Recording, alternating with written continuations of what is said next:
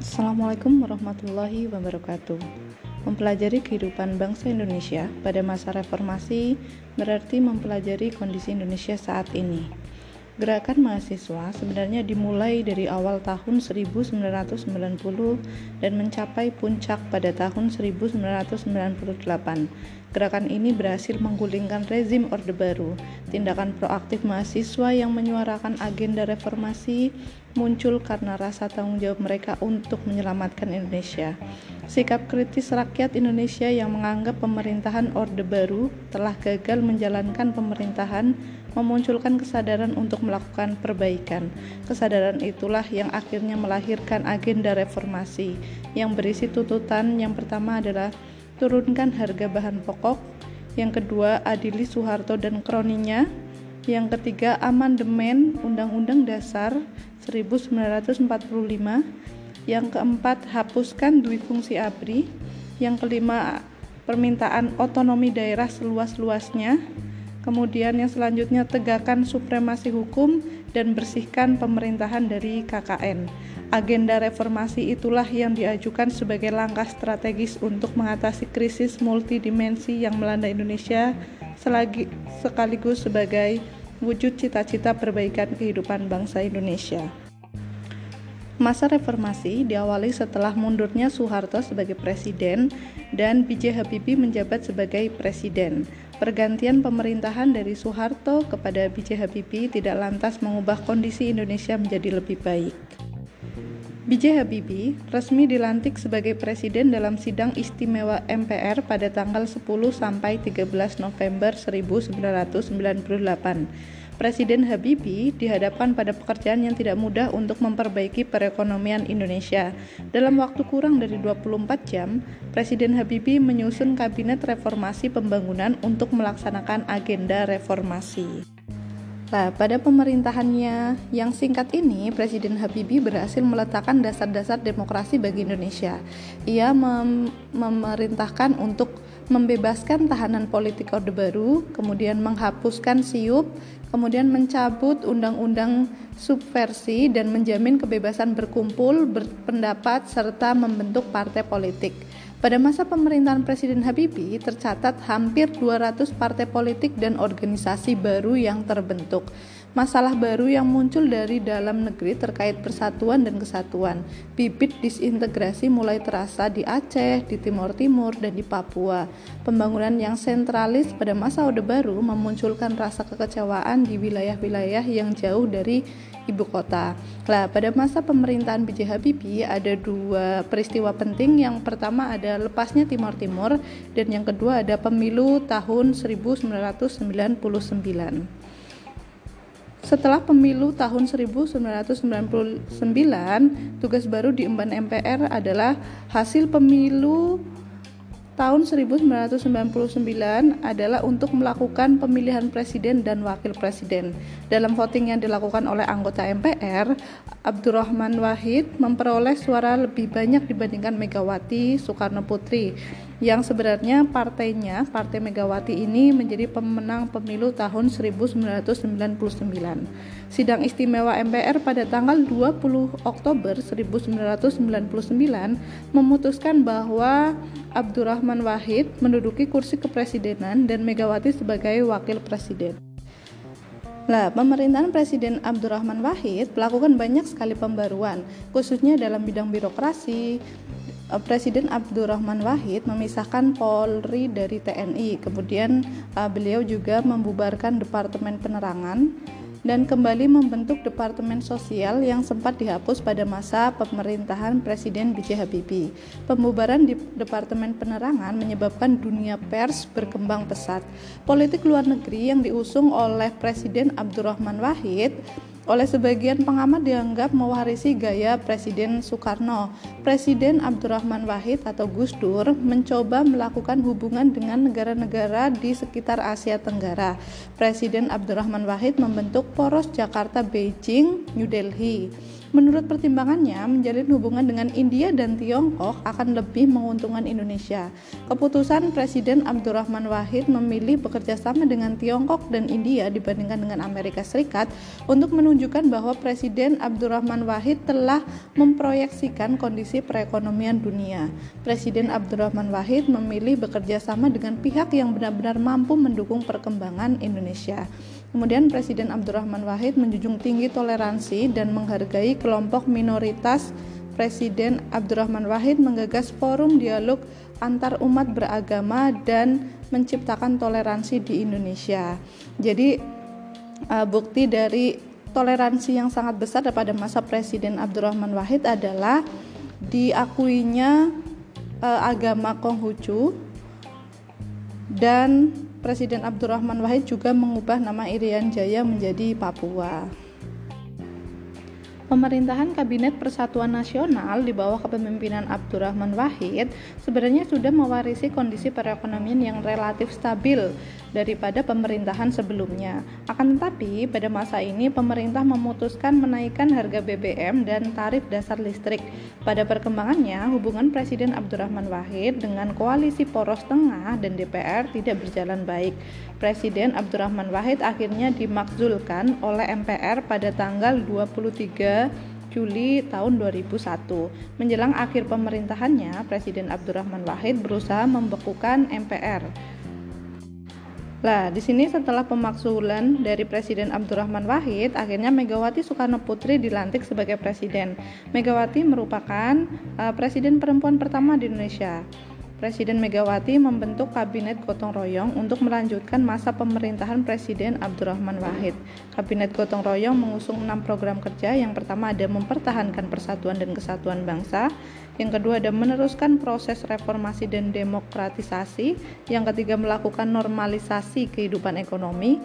Yang keempat melaksanakan penegakan hukum. Yang kelima melaksanakan politik luar negeri bebas aktif serta menyelenggarakan pemilu tahun 2004. Nah, Kabinet Gotong Royong ini dilantik pada tanggal 10 Agustus tahun 2001. Kabinet ini disebut juga sebagai Zaken Kabinet karena 2 per 3 menterinya dijabat oleh para profesional di bidangnya. Jadi pasti kalian masih ingat ya bahwa Zaken Kabinet adalah e, masa di mana suatu pemerintahan itu memilih menteri-menterinya tidak berdasarkan partai tetapi berdasarkan keahlian atau profesional di bidangnya masing-masing beberapa kebijakan yang dibuat atau diciptakan oleh Presiden Megawati. Yang pertama adalah pada tahun 2002 Indonesia pernah mencapai swasembada beras. Lah swasembada beras ini terjadi pada masa pemerintahan Presiden Megawati. Lah pada saat itu perekonomian Indonesia mengalami surplus dan lebih baik daripada tahun-tahun sebelumnya. Terciptanya swasembada beras ini terjadi karena kondisi perekonomian Indonesia membaik.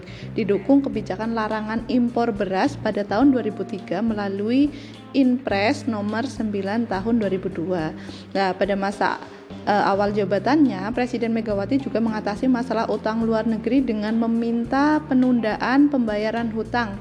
Gebrakan ini dilakukan Presiden Megawati adalah mengakhiri kerjasama dengan IMF dan membubarkan Badan Penyihatan Perbankan Nasional atau BPPN. Akan tetapi, untuk menekan laju inflasi, Presiden Megawati mengeluarkan kebijakan privatisasi BUMN. Jadi, privatisasi BUMN BUMN ini sempat kembali menjadi isu yang uh, dikaji ulang pada tahun 2014 ya. Pada saat itu tuh muncul wacana bahwa privatisasi BUMR bukan keputusan yang tepat. Kemudian di bidang uh, hukum dan keamanan Presiden Megawati mengeluarkan beberapa kebijakan atau otonomi khusus terutama untuk negara eh untuk negara untuk daerah Aceh dan Papua Barat yang masih dilanda konflik disintegrasi. Konflik di Poso juga berhasil diselesaikan dengan perjanjian Malino yang diprakarsai oleh SBY.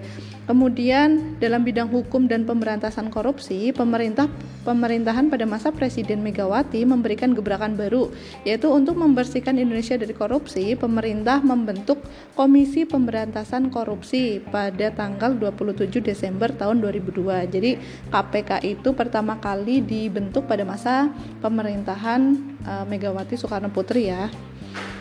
Lah Presiden Megawati juga terdapat beberapa permasalahan ya pada masa pemerintahan Megawati. Contohnya ada di sini ada kasus BLBI, kemudian ada korupsi dana non budget bulog dan kasus-kasus HAM. Lah, pada masa pemerintahan Megawati berhasil melaksanakan pemilu tahun 2004. Lah, yang membedakan pemilu tahun 2004 dengan pemilu-pemilu sebelumnya adalah Pemilu tahun 2004 diikuti oleh 24 partai politik dengan sistem perwakilan berimbang dengan daftar calon legislatif terbuka. Jadi presi, uh, pemilu tahun 2004 ini diselenggarakan dua tahap. Yang pertama adalah untuk memilih anggota legislatif dan yang kedua adalah untuk memilih presiden dan wakil presiden. Pemilu anggota legislatif dilaksanakan pada tanggal 5 Juli tahun 2004. Jadi, pemilu tahun 2004 ini adalah pemilu pertama yang dilaksanakan dilaksanakan oleh pemerintah Indonesia untuk memilih presiden. Lah, pada saat pemilu tahun 2004, SBY ini menang sebagai hmm, presiden dan akhirnya terpilih menjadi presiden RI. Jadi presiden Indonesia yang pertama kali menang karena hasil pemilu adalah Presiden SBY. Pada masa pemerintahan SBY dan Yusuf Kala, perekonomian Indonesia lebih stabil. Indonesia berhasil melunasi utang IMF. Kemudian pada bulan Mei dan bulan Oktober tahun 2005, pemerintah mengambil kebijakan untuk menaikkan harga BBM yang disambut aksi demo oleh mahasiswa. Kebijakan inilah yang menyebabkan kenaikan laju inflasi, kemudian kenaikan biaya transportasi, dan harga-harga kebutuhan pokok. Cita-cita untuk kembali mencapai swasembada pangan diusahakan oleh pemerintahan SBY dan Yusuf Kala. Untuk menciptakan swasembada pangan tersebut, pada tahun 2008, pemerintah mengeluarkan kebijakan revitalisasi pertanian dengan target swasembada gula pada tahun 2008, kemudian swasembada daging pada tahun 2010 dan swasembada kedelai pada tahun 2010.